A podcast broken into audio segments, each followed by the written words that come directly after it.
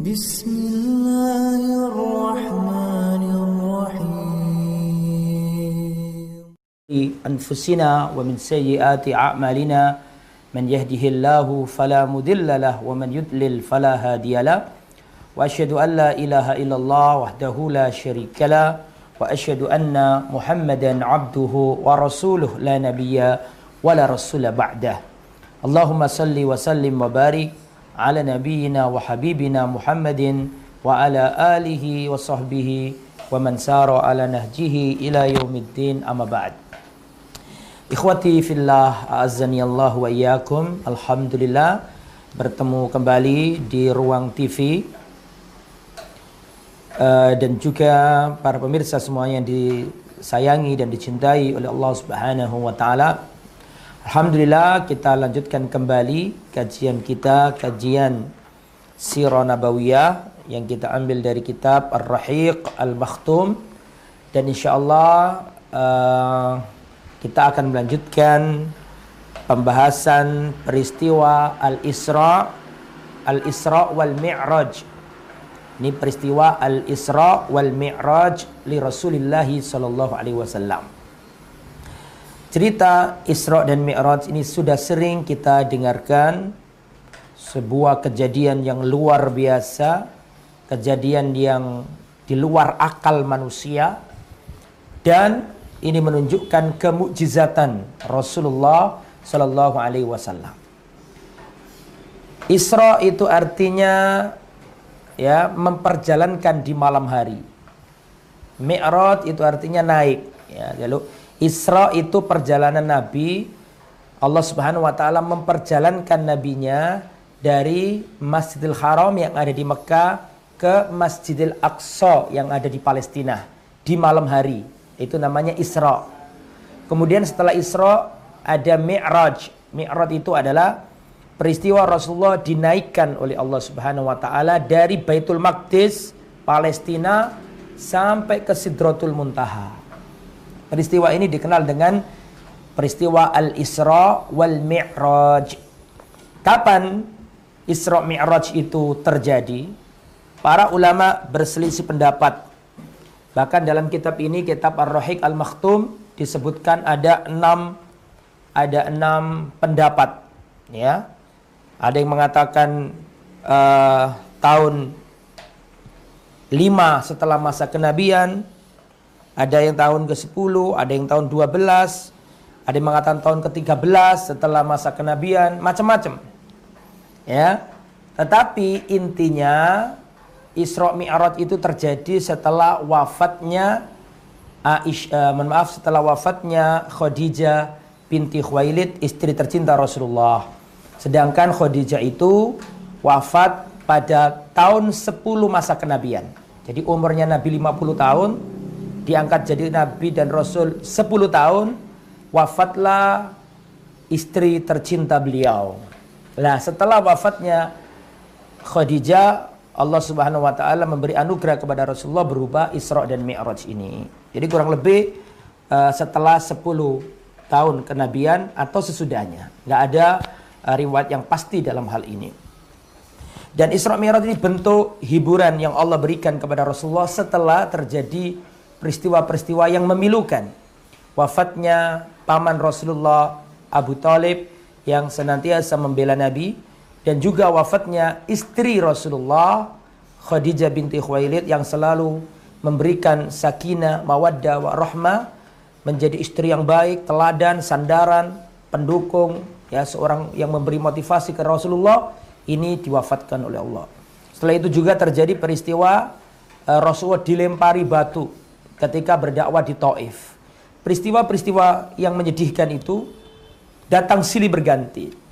Setelah itulah Allah Subhanahu wa taala memberikan penghormatan, memberikan sebuah kemuliaan kepada Rasulullah dengan cara Allah mengisra dan mi'rajkan Rasulullah wasallam.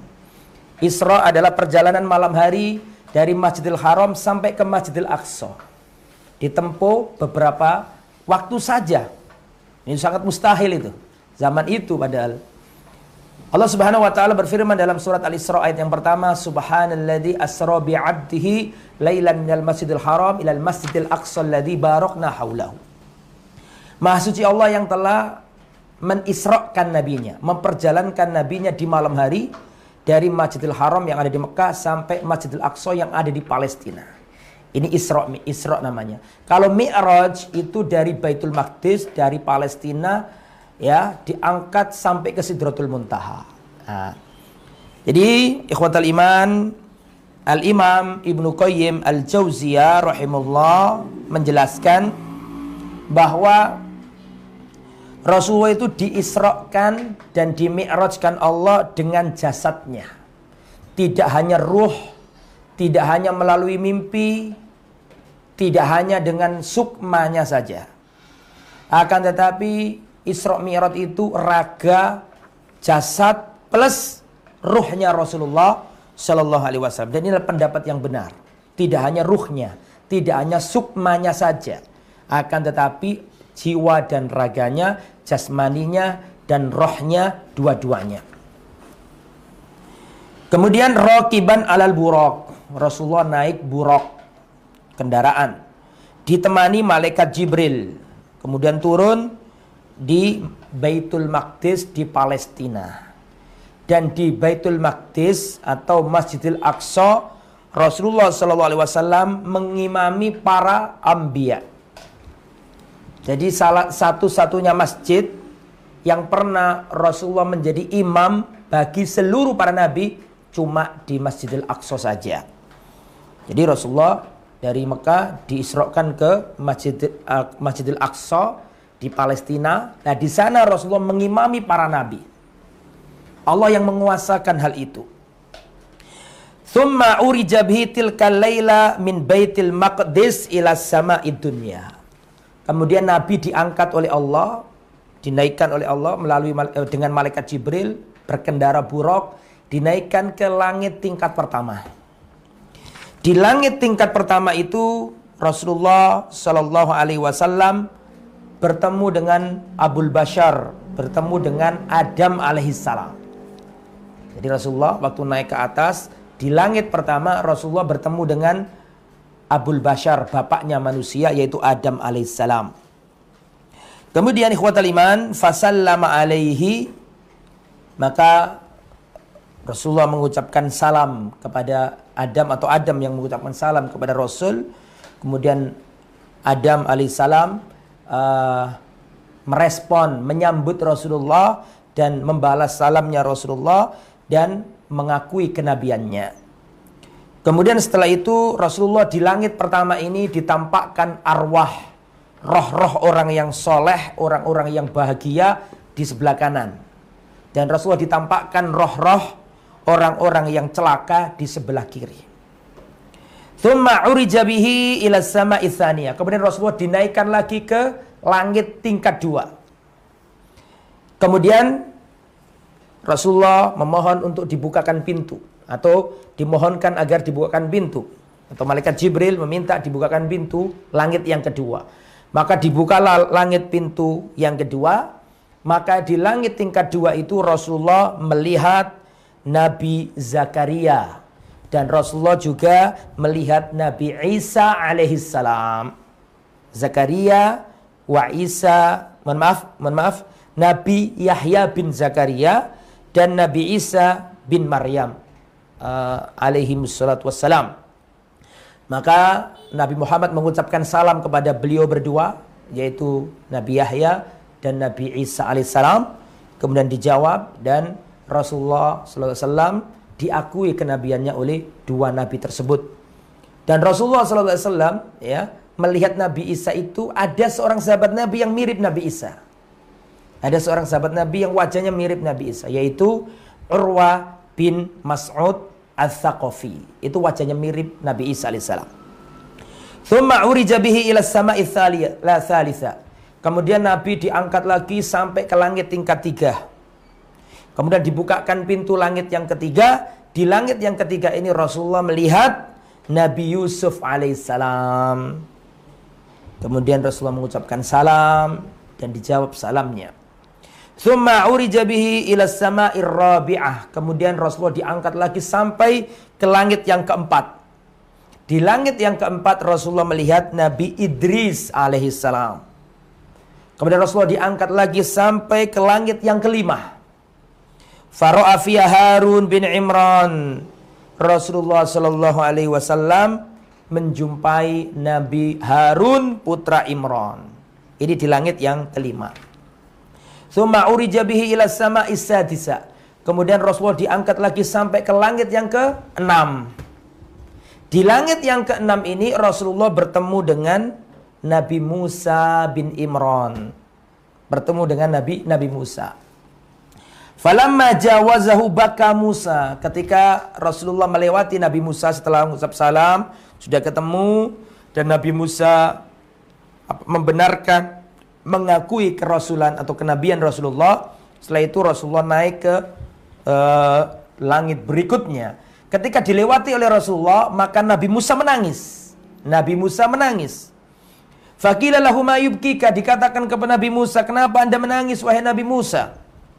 Faqala dia mengatakan Nabi Musa berkata, "Abki li anna ghulaman bu'itha min ba'di yadkhulul jannata min ummatihi akthar mimma yadkhuluha min ummati. Aku menangis karena ada seseorang yang diutus setelahku yang mana umatnya lebih banyak masuk surga daripada umatku. Ya, Nabi Musa nangis. Thumma urija bihi ila sama isabi'ah. Kemudian Nabi Muhammad SAW dinaikkan ke langit yang ketujuh. Ufalakiya fiha Ibrahim alaihissalam di langit yang ketujuh inilah Nabi Muhammad SAW bertemu dengan Nabi Ibrahim alaihissalam. Rasulullah mengucapkan salam, dijawab dan Rasulullah diakui kenabiannya oleh Nabi Ibrahim alaihissalam. Kemudian Rasulullah SAW diangkat lagi sampai ke Sidratul Muntaha. Ya, Rasulullah SAW diangkat lagi sampai ke Sidratul Muntaha. Thumma baitul ma'mur. Kemudian diangkat untuk Rasulullah al-baitul ma'mur. Baitul Ma'mur ini dimasuki oleh setiap harinya, setiap harinya ada 70 ribu malaikat masuk ke Baitul Ma'mur. Dan yang, malaikat yang pernah masuk tidak akan keluar lagi. Setiap harinya itu 70 ribu malaikat masuk ke Baitul Ma'mur. Dan kalau sudah masuk tidak keluar lagi. Oh berarti banyak sekali. Kemudian thumma adkhulul jannah kata Rasulullah, kemudian aku masuk surga. Jadi surga itu ada di atas semua langit gitu. Berarti kan setelah semua langit dari langit langit awal, langit tingkat pertama sampai ke tujuh, Sidratul Muntaha tadi dikatakan, benar Rasulullah masuk ke surga. Faida fiha habailul lu'lu. Rasulullah melihat ya mutiara-mutiara wa idza fa wa idza turabuha al-misk dan tanahnya atau ya debu atau tanahnya surga itu al-misik, minyak kasturi, minyak minyak misik. Artinya wangi sekali ya. Kemudian Rasulullah sallallahu alaihi wasallam dinaikkan lagi ya kepada siapa? Kepada Al-Jabbar Allah Subhanahu wa taala. Lah, di situlah Rasulullah sallallahu alaihi wasallam mendapat titah untuk solat lima waktu. Fa'auha ila abdihi ma auha. Farafadu alaihim sina solatan. Akhirnya Rasulullah mendapatkan wahyu perintah melaksanakan solat sebanyak 50 kali sehari semalam. Faraja'a hatta marra ala Musa. Kemudian setelah mendapatkan titah, dapat wahyu solat 50 kali. Maka turunlah Nabi Musa. Ditanya sama Nabi Musa, "Bima amara rabbaka?" Berapa solat yang diperintahkan oleh Tuhanmu wahai Muhammad? Qal Rasulullah menjawab khamsina solat. Bi khamsina solat. 50 solat. Maka Nabi Musa mengatakan inna ummataka la tutiqu dzalik. Hei Muhammad, umatmu gak akan kuat, gak akan bisa. Kembalilah kepada Allah, minta keringanan kepada Allah. Akhirnya kembalilah Allah Subhanahu kembalilah Nabi Muhammad kepada Allah Subhanahu wa taala minta diberi keringanan. Nah, minta untuk diberi apa? Keringanan. Akhirnya terus minta keringanan datang lagi ke Musa. Oh kurang, umatmu nggak akan kuat. Sampai akhirnya lima. Lima. Lima kali sholat dalam sehari semalam. Setelah itu pulang balik lagi ketemu Nabi Musa. Kata Nabi Musa, kembalilah wahai Muhammad, umatmu nggak akan kuat dengan lima kali itu. Maka Nabi mengatakan, ya, Qad istahyaitu min Rabbi. Aku malu kepada Allah kalau sudah lima saya tawar lagi. Saya malu sama Allah. Walakin ur, walakin arda wa aslam. Aku aku sudah ridho dengan lima ini dan aku sudah berserah diri dengan lima ini. Nah itulah sejarahnya akhirnya sholat menjadi lima waktu. Tetapi sholat lima waktu ini satu sholat Allah lipat gandakan jadi sepuluh sholat. Ya. Kemudian ikhwatal iman. Jadi kalau lima kali sepuluh hasilnya sama. Saking luasnya rahmat Allah, satu sholat dikalikan 10. Berarti ujung-ujungnya berapa? Ya tetap 50 juga. Nah, nah kemudian ini ada peristiwa peristiwa yang aneh yang terjadi ketika Rasulullah Shallallahu Alaihi Wasallam di Isra Mi'rajkan oleh Allah Subhanahu Wa Taala. Apa saja yang dilihat oleh Rasulullah ketika Isra dan Mi'raj tersebut. Kita lihat. Yang pertama, uridu alaihi laban wal khamr. Ketika Isra Mi'raj Rasulullah ditampakkan ada susu dan ada khamr minuman keras. Fakhtaro al-labana, maka Rasulullah memilih susu. Fakila maka dikatakan kepada Rasulullah hudital fitrah au asabtal fitrah engkau diberi petunjuk wahai Muhammad kepada fitrah. Namanya fitrahnya manusia itu memilih susu daripada memilih memilih minuman keras. Imma inna kalau akhotal khamr ghaita um, ummataka. Jikalau kau memilih apa namanya? khamr kau akan menyesatkan umatmu. Waro'a arba'ata anharin yahrujna min asli sidratil muntaha. Kemudian ketika Isra Mi'raj itu dalam hadis ini dalam kitab Ar-Rahiq Al-Maktum dikatakan bahwa Rasulullah ketika Isra Mi'raj melihat empat sungai. Rasulullah ditampakkan ada empat sungai. Dan empat sungai ini keluar sumbernya dari Sidratul Muntaha. Nahrani zahirani wa nahrani batinani. Dua sungai yang nampak dan sungai yang dan dua sungai yang tidak nampak. Adapun dua, dua sungai yang nampak adalah Sungai Nil dan Sungai Eufrat. Sungai Nil ada di Mesir, di Sudan. Adapun Sungai Eufrat ada di Irak. Wal batinani dan ditampakkan dua sungai yang tersembunyi. Nahroni fil jannah dan ini dua sungai yang ada di surga. Dan ini menjadi isyarat ketika Rasulullah ditampakkan sungai Nil dan ketika Rasul ditampakkan sungai Eufrat yang ada di Irak, itu pertanda bahwa nanti Islam akan menguasai Mesir dan Islam akan menguasai Irak. Dan itu sudah terbukti di zamannya Umar bin Khattab radhiyallahu anhu. Wara'a malikan khazinan nar. Kemudian Rasulullah melihat malaikat Malik penunggu atau penjaga neraka. Wahwa layad hak. Malaikat satu ini tidak pernah ketawa. Walaysa ala wajhi bishrun wala basyasha. Di dalam wajahnya atau pada wajahnya malaikat penjaga neraka Malik ini tidak ada tanda-tanda senyum, tanda-tanda ceria, tidak ada. Tidak ada kegembiraan di wajah malaikat penghuni neraka atau penjaga neraka ini. Yaitu wa kadzalika ra'al jannata wan nara. Dan Rasulullah dalam Isra Mi'raj itu ditampakkan surga dan pula ditampakkan neraka. Waro'a akalata amwalil yatama zulman lahum. Lahum masyafir kama ka masyafiril ibil. Kemudian Rasulullah ditampakkan ketika Isra Mi'raj itu orang-orang yang makan hartanya anak yatim. Hak makan hartanya anak yatim. Anak yatim seharusnya punya warisan diambil semua sama ibunya, ibunya nikah lagi. Nah, itu nggak boleh bahaya makan harta yatim. Atau ada orang bocah kecil punya bapak, punya emak, bapaknya mati, emaknya mati, terus hartanya diambil oleh pamannya. Anak yatim gak dikasih. Wah ini bahaya. Ini namanya makan hartanya anak yatim. Maka Rasulullah SAW dalam Isra Mi'raj ini Rasulullah SAW ditampakkan orang-orang yang di dunia suka makan harta anak yatim.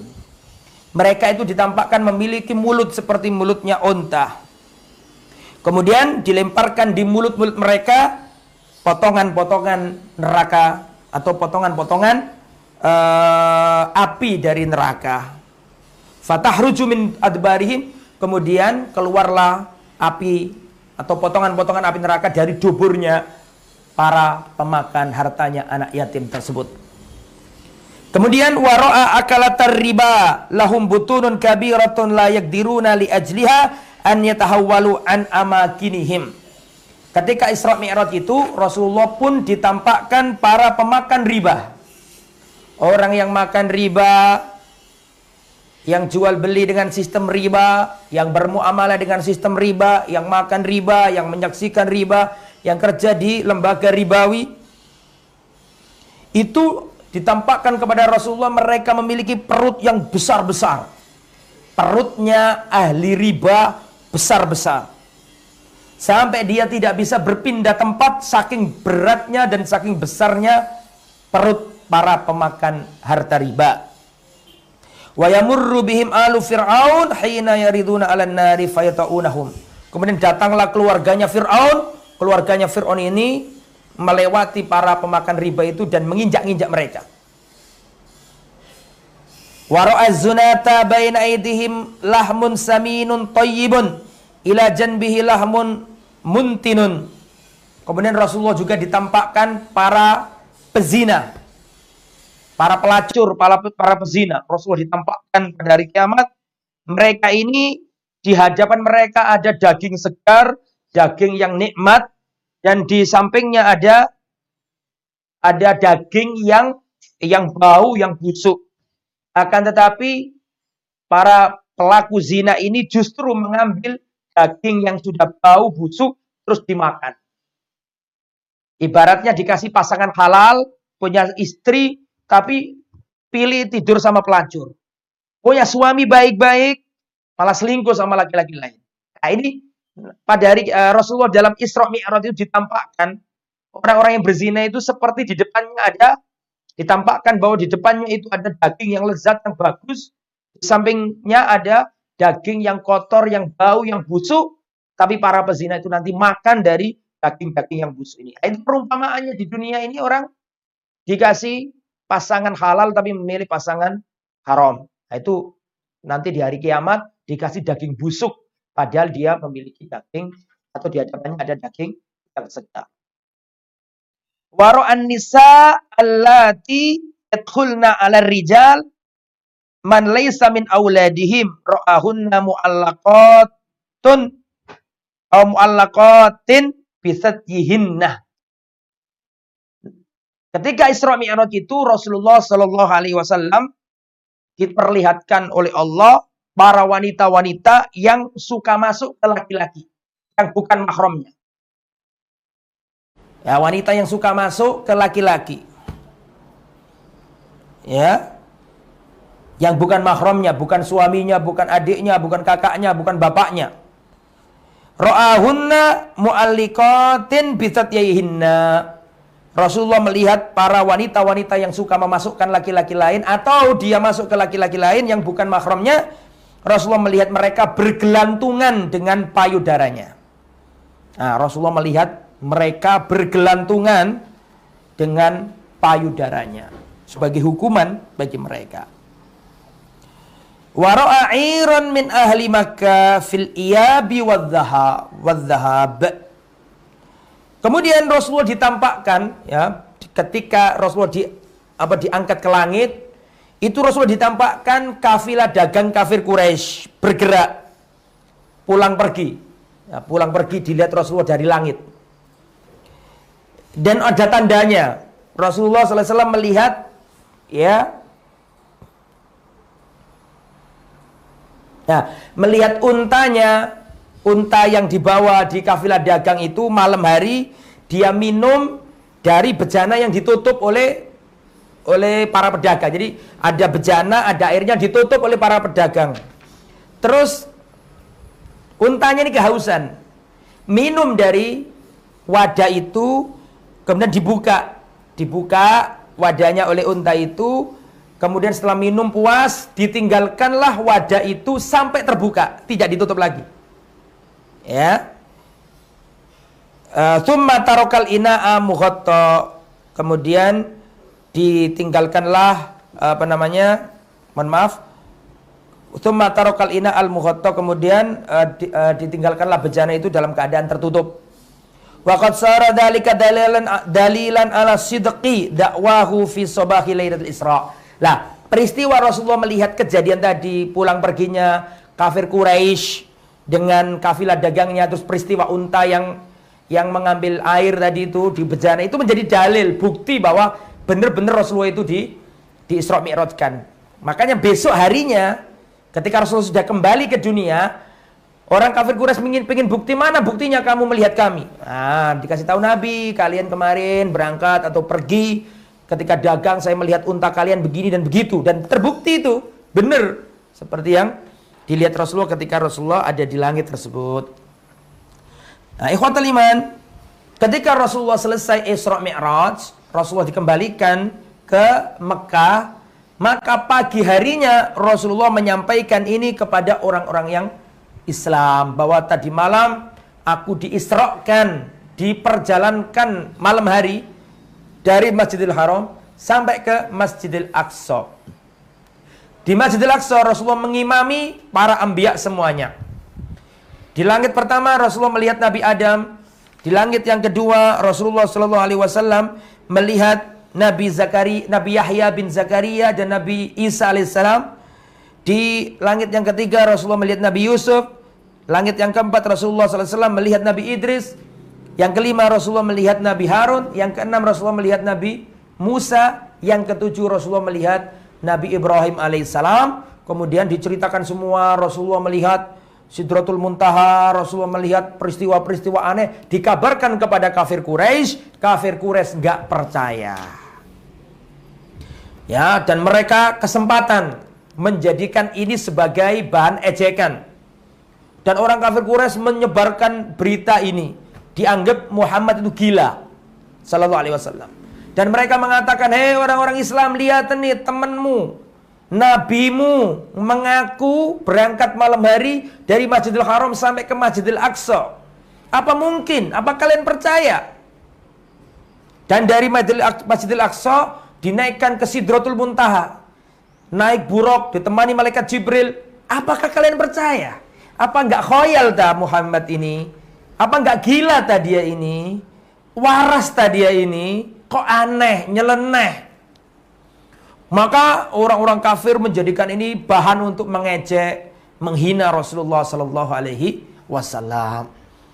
Maka mereka mendatangi Abu Bakar dengan PD. Wah ini pasti Abu Bakar ini akan meninggalkan Muhammad karena Muhammad sudah kebablasan, aneh-aneh, nyeleneh, gak masuk akal. Maka mereka mendatangi Abu Bakar. Ya Abu Bakar, Ya Ibnu Abi Kuhafa, bagaimana saudaramu ini? Dia mengaku diterbangkan dari Masjidil Haram ke Masjidil Aqsa cuma beberapa jam saja atau cuma sewaktu saja. Beberapa waktu saja, singkat. Padahal kami ini kalau mau dagang ke Sam sampai berhari-hari. Apa benar Muhammad ini dijalankan dari Masjidil Haram sampai Masjidil Aqsa cuma membutuhkan beberapa waktu saja. Terus katanya dia dinaikkan ke Sidratul Muntaha ketemu para nabi. Apa kalian percaya? Apakah kamu percaya wahai Abu Bakar orang gila seperti ini kalian ikuti. Maka mendengarkan apa yang didengarkan dari kafir Quraisy tersebut, Abu Bakar mengatakan, "Wallahi kalau memang benar yang menceritakan itu Muhammad, maka aku percaya." Jangankan kayak gitu, lebih dari itu pun Abu Bakar akan percaya. Makanya Ternyata kafir Quraisy terheran-heran loh. Peristiwa seperti ini kok ternyata Abu Bakar pun percaya gitu loh. Makanya semenjak itu Abu Bakar dijuluki Abu Bakar As-Siddiq. Orang yang benar-benar Ini membenarkan, percaya dengan Rasulullah SAW. Makanya Abu Bakar itu seandainya ditimbang imannya Abu Bakar dengan imannya seluruh manusia di jagat raya ini, niscaya imannya Abu Bakar ini lebih berat daripada seluruh umatnya Nabi Muhammad SAW. Bahkan dalam sebuah hadis Rasulullah pernah berkata, aku pernah ditampakkan timbangan Kemudian aku dalam mimpiku aku melihat seakan-akan aku ditimbang. Aku ditaruh di salah satu sisi timbangan dan seluruh umatku ditaruh di sisi timbangan yang lain. Kemudian ditimbang antara diriku dan umatku, maka aku menjumpai aku lebih berat dari seluruh umatku. Kemudian kata Rasulullah, setelah itu aku melihat didatangkan Abu Bakar As-Siddiq ditimbang dengan umatku. Maka aku melihat Abu Bakar As-Siddiq lebih berat daripada seluruh umatku. Berarti siapa? Di situ ada Umar, ada Utsman, ada Ali. Kalau ditimbang sama Abu Bakar, tetap Abu Bakar yang lebih berat. Kemudian kata Nabi, kemudian didatangkan Umar bin Khattab dan ditimbang dengan seluruh umatku dengan umatku maka aku melihat Umar lebih berat dari umatku. Kemudian setelah itu kata Rasulullah Sallallahu Alaihi Wasallam kemudian didatangkan Utsman bin Affan ditimbang dengan umatku. Maka kata Rasulullah, Utsman bin Affan lebih berat dari umatku. Setelah itu kata Nabi, kemudian timbangan itu diangkat ke langit. Maka para sahabat berkata, "Ya Rasulullah, bagaimana dengan kami? Kan belum ditimbang tadi. Yang ditimbang cuma Abu Bakar, Umar, Utsman. Sampai tiga tok dengan Rasulullah empat, terus timbangannya diangkat ke langit. Maka para sahabat mengatakan, "Ya Rasulullah, bagaimana dengan kami?" Belum ditimbang dalam kisah itu ya Rasulullah. Kata Rasulullah, antum kaifa ja'altum anfusakum. Kalian itu sesuai dengan amal-amal kalian. Gak bisa dianalogikan, gak bisa dikiaskan, gak bisa disamakan dengan Abu Bakar, Umar, dan Uthman bin Affan radhiyallahu anhum ajma'in. Nah itu ya. Nah, kemudian ikhwatal iman, rahimani, maka semenjak itulah Abu Bakar As-Siddiq dijuluki As-Siddiq, orang yang membenarkan ya, yang benar-benar 100% mempercayai apa yang disampaikan Rasulullah wasallam. Nah, ini sampai di sini cerita tentang peristiwa Isra dan Mi'raj ini. Nah, sebelum saya uh, tutup dan nanti kita akan tanya jawab, kita akan mengambil pelajaran-pelajaran penting dulu dari kisah Isra Mi'raj ini. Pelajaran pertama dari Isra Mi'raj ini yang pertama bahwa Isra Mi'raj itu bukti kemukjizatan Rasulullah Sallallahu Alaihi Wasallam. Itu pelajaran pertama. Jadi mukjizat itu adalah untuk membuat lawan itu lemah untuk menandinginya. Itu nggak ada zaman itu orang bisa terbang ke langit kayak gitu. Jadi Rasulullah bisa dengan izin Allah Subhanahu wa taala. Pelajaran yang kedua, ini menunjukkan peristiwa Isra Mi'raj menunjukkan bahwa Rasulullah adalah Rasul terbaik. Rasulullah adalah imam dari para Rasul. Mana dalilnya? Dalilnya adalah dalam kisah Isra Mi'raj ini disampaikan bahwa Rasulullah mengimami seluruh para nabi di Baitul Maqdis. Ini dalil bahwa Rasulullah adalah Rasul terbaik. Jadi gini ya. Ini pelajaran nomor dua tingkatan itu manusia. Dari manusia yang banyak difilter menjadi orang Islam. Menjadi orang orang Islam. Orang Islam itu difilter lagi menjadi orang Islam yang benar-benar soleh. Ya, difilter lagi menjadi para walinya Allah. Para kekasih Allah. Wali kan ya yang yang dekat, yang dicintai Allah. Orang yang menjadi walinya Allah, yang dikasih Allah. Di antara wali-wali ini diperes lagi, difilter menjadi para nabi. Para nabi yang banyak jumlahnya, tidak hanya 25 nabi itu banyak. Cuma ada yang Allah ceritakan, ada yang tidak Allah ceritakan. Dari nabi yang banyak ini difilter lagi menjadi para rasul. Dari para rasul yang banyak ini Allah peres lagi, Allah filter lagi menjadi uzul, uz, uh, menjadi ulul azmi. Ulul azmi siapa aja?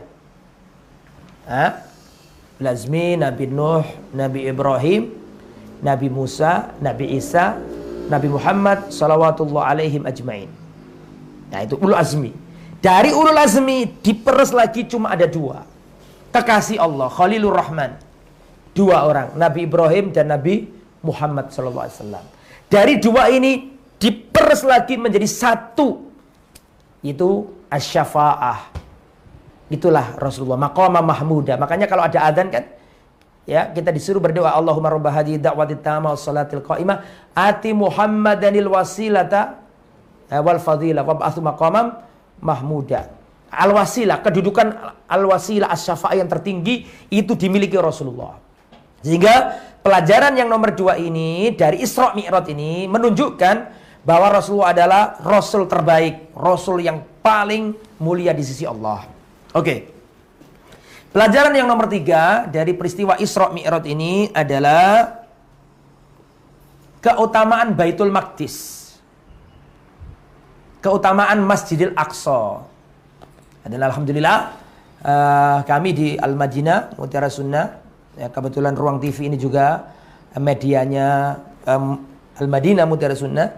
Ya punya uh, program untuk ke Masjidil Aqsa. Tapi ini karena pandemi mungkin masih terhalang. Tapi insya Allah biasanya kalau normal mengadakan ke sana. Lah, kembali ke materi.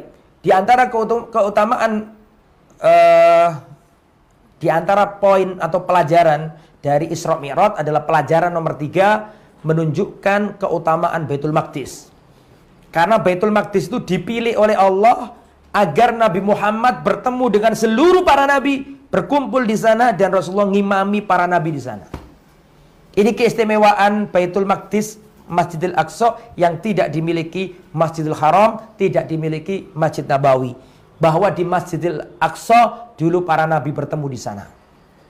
Oke, kemudian pelajaran nomor empat bahwa Rasulullah SAW melihat para nabi di setiap langit. Tadi saya terangkan di langit pertama ketemu Nabi Adam, langit kedua Nabi uh, Isa, Yesus. Kemudian yang ketiga Nabi Yusuf, keempat Nabi Idris, kelima Nabi Harun, keenam Nabi Musa, dan ketujuh Nabi Ibrahim alaihissalam. Ini pelajaran yang keempat. Ya Rasulullah bertemu dengan para ambia di setiap apa tadi? Di setiap langit. Pelajaran kelima, Allah fis sama Allah itu ada di atas langit. Allah itu ada di atas langit. Jadi Isra Mi'raj ini adalah pelajaran yang bisa kita ambil bahwa Allah itu ada di atas langit. Makanya Nabi Muhammad diangkat kepada Allah untuk menerima apa? syariat sholat. Untuk menerima syariat sholat. Ini pelajaran yang nomor lima bahwa Allah itu di atas langit. Ar-Rahmanu 'alal arsyistawa. Allah itu ada di atas apa namanya? Di atas arsy Allah Subhanahu wa taala. Allah itu bersemayam di atas arsy. Kaifianya Allah yang tahu. Nggak boleh kita bagaimanakan. Oke, ikhwatal iman. Itu pelajaran nomor lima. Allah di atas. Pelajaran nomor enam adalah keutamaan solat. Solat adalah satu-satunya syariat yang Nabi dipanggil Allah. Kalau yang zakat, yang lain kan langsung turunkan syariat. Ini enggak. Kalau sholat ini Nabi yang di, dinaikkan ke atas untuk menerima kewajiban sholat. Saking agungnya sholat. Sampai-sampai untuk memberikan syariat ini Allah langsung mengangkat nabinya ke atas langit. Ini berbeda dengan syariat-syariat yang lain. Makanya sholat itu berbahaya kalau ditinggalkan. Ya, al al al Al-ahdul ladzi bainana wa bainahum as-salat. Faman taraka faqad kafar. Yang membedakan kita dengan orang kafir itu salat. Faman taraka faqad kafar. Siapa yang meninggalkan salat maka dia kafir. Uh, rawahu al-Imam Ahmad bin Hanbal rahimahullah. Saking pentingnya salat sampai Nabi diangkat. Ini pelajaran nomor berapa tadi? Lima apa enam tadi? Enam ya? Lima. Sekarang enam. Pelajaran yang nomor 6 ikhwatal iman yang dirahmati oleh Allah. Ah, nomor 6 ini bahwa Rasulullah Shallallahu alaihi wasallam diperlihatkan beberapa hal dalam Isra Mi'raj. Rasulullah diperlihatkan susu, khomer, ada empat sungai tadi ya sudah kita jelaskan di awal. Dan Rasulullah juga diperlihatkan malaikat penjaga neraka. Jadi pelajaran nomor 6 Rasulullah SAW diperlihatkan malaikat penjaga neraka dan ada namanya di situ. Namanya adalah malaikat Malik Khazinun Nar, penjaga neraka dan tidak pernah ketawa. Walayat hak, enggak murung, enggak kelihatan semerenga. Itu malaikat Malik, bengis lah sama gitu. Kemudian pelajaran nomor tujuh, peristiwa Isra Mi'raj ini mengajarkan kepada kita bahaya makan harta anak yatim. Itu nanti orangnya diserupakan seperti orang yang memiliki mulut seperti onta. Dikasih bara api neraka. Itu ya, ini nomor tujuh ini. Kemudian yang nomor delapan, bahaya makan harta riba. Ya, nanti pada hari kiamat ya di sini dikatakan memiliki perut yang besar sampai dia nggak bisa jalan. Dalam hadis yang lain Rasulullah melihat ada orang-orang yang apa namanya pemakan riba itu berserenang-renang di sungai darah. Kemudian juga larangan berzina sampai-sampai di sini dikatakan Ya, Rasulullah SAW melihat para pezina dan wanita-wanita yang memasukkan laki-laki atau masuk ke laki-laki lain. Nah, ini dikatakan Rasulullah, Rasulullah melihat wanita-wanita itu bergelantungan di payudaranya. Ini ancaman bagi para pelaku zina. Kemudian yang terakhir, ikhwatal iman. Ya, sebelumnya silakan tanya jawab nanti kalau ada pertanyaan. Yang terakhir adalah hadis ini atau peristiwa Isra Mi'raj ini menunjukkan keutamaan Abu Bakar As-Siddiq radhiyallahu anhu. Yang mana Abu Bakar ini sangat iman meskipun orang-orang kafir Quraisy berusaha menjadikan ini bahan oloan, bahan nyinyiran, tapi justru Abu Bakar iman terhadap apa yang dikabarkan Rasulullah dalam apa peristiwa Isra Mi'raj itu. Makanya dalam sebuah riwayat dikatakan Rasulullah berkata, "Ma da'autu ahadan ilal Islam illa kanat lahu kabwah." Tidak pernah aku ngajak orang masuk Islam kecuali di dalam diri orang itu ada keraguan-raguan. Kecuali Abu Bakar As-Siddiq. Ketika diajak masuk Islam, langsung masuk Islam. Gak pakai mikir.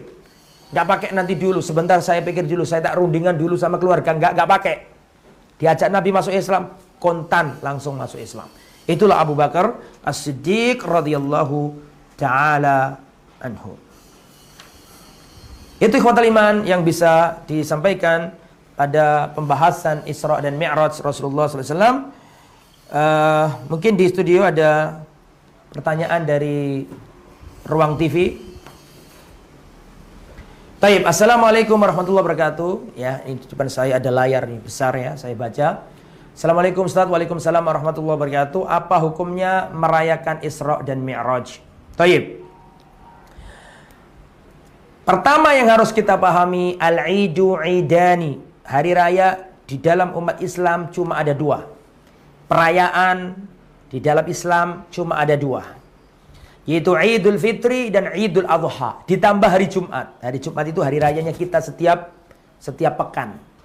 Adapun setahunan itu ada dua. Idul Fitr dan Idul Adha. Ya, Isra Mi'raj itu peristiwa yang terjadi di masa lampau. Ya, kalau kita pelajari, kita baca sirohnya, kita petik pelajaran-pelajarannya, oke. Okay.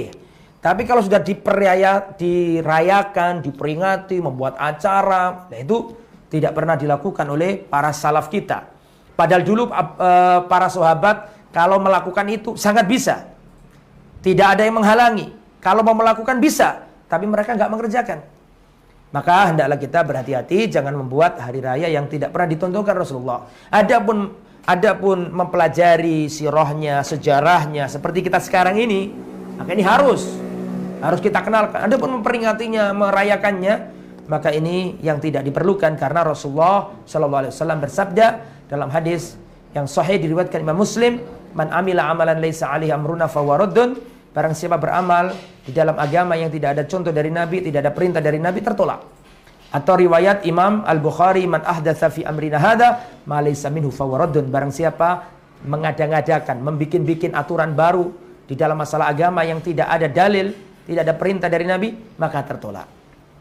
Dan dulu masyarakat Madinah itu punya hari raya Nairus dan Mehrojan.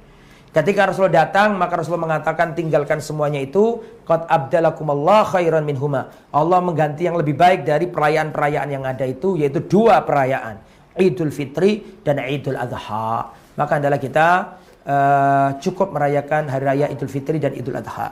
Ada pun mempelajari Isra Mi'raj, menceritakan kepada anak-anak kita, menceritakan bagaimana hikmah-hikmahnya. Maka ini sayun matlub dan tidak nunggu satu tahun sekali. Tapi setiap kesempatan kita berikan pencerahan kepada umat. Taib. Kemudian uh, pertanyaan yang kedua. Apakah sebelum Rasulullah Sallallahu Alaihi Wasallam yaitu di masa nabi-nabi terdahulu sebelum Nabi Muhammad Wasallam apakah juga ada peristiwa Isra dan Mi'raj? Taib. Peristiwa Isra Mi'raj ini selain disebutkan dalam asar atau hadis Nabi juga disampaikan dalam ayat Al-Qur'an surat Al-Isra ayat pertama itu antum buka Subhanalladzi asra bi 'abdihi lailan minal masjidil haram ilal masjidil aqsa alladzi barakna haulahu Maha suci Allah yang telah memperjalankan di malam hari hambanya yaitu Rasulullah dari Masjidil Haram ke Masjidil Aqsa. Ya, ini berarti jelas ada dalilnya dari Al-Quran dan dari sunnah-sunnah Nabi dan kitab-kitab tarikh sudah menjelaskan bahwa Isra Mi'rajnya Rasulullah itu ada.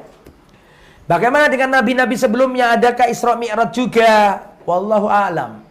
Karena ada kaidah, perhatikan karena ada kaidah dalam masalah gaib, perkara-perkara yang tidak tahu, maka kita nggak boleh ngomong kecuali ada dalil.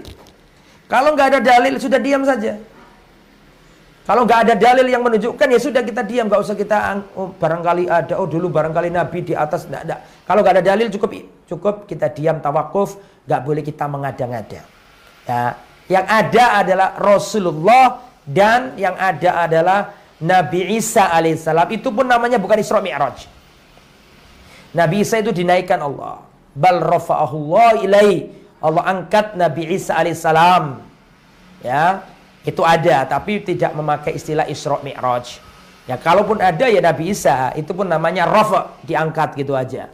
Ada Isra Mi'raj ini hanya khusus Rasulullah sallallahu alaihi wasallam. Uh, adapun rasul-rasul nabi-nabi sebelumnya kita nggak ada dalil ya sudah kita nggak usah meyakini yang aneh-aneh. Karena kalau ada dalil kita imani, nggak ada dalil kita diam, nggak usah menanyakan yang aneh-aneh. Wallahu a'lam bishawab.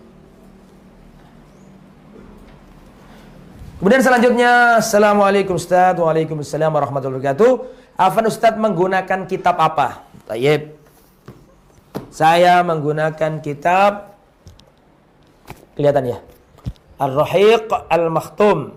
Ar-Rahiq Al-Makhtum karangan Syekh Al-Imam Sofi Rahman Al-Mubarak Furi. Kitab ini termasuk kitab yang diterima oleh umat Islam, diterjemahkan ke banyak bahasa termasuk bahasa Indonesia. Sudah diterjemahkan ini kitab ini. Dalam bahasa Indonesia banyak cetakan, banyak penerbit yang menerbitkan. Cuma saya bawa yang yang aslinya yang bahasa Arab.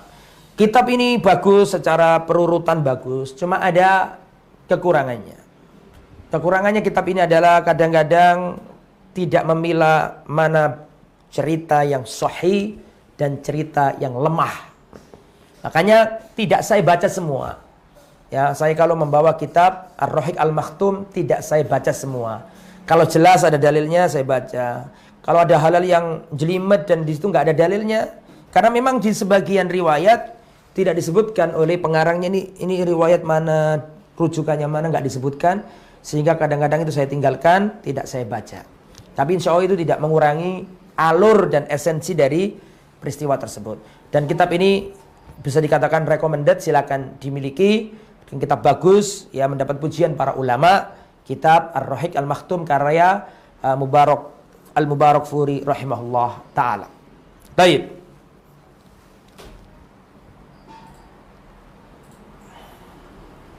Ada lagi Mas? Mas Alif atau Mas RMI? Sambun. Tayyib ikhwatal iman uh, sampai di sini terima kasih para penanya dan juga kru yang bertugas uh, di ruang TV Muslim Indonesia dan juga uh, apa namanya FFO jazakumullah khair. Ala husni musyarakatikum. Uh, dan semoga Allah Subhanahu wa taala memberi kita keistiqomahan. Jazakumullah khair. Subhanakallahumma wa bihamdika. Asyhadu an la ilaha illa anta. Astaghfiruka wa atubu ilaik. Wassallallahu ala nabiyyina Muhammad wa ala alihi wa sahbihi ajmain. Rabbil alamin. Wassalamualaikum warahmatullahi wabarakatuh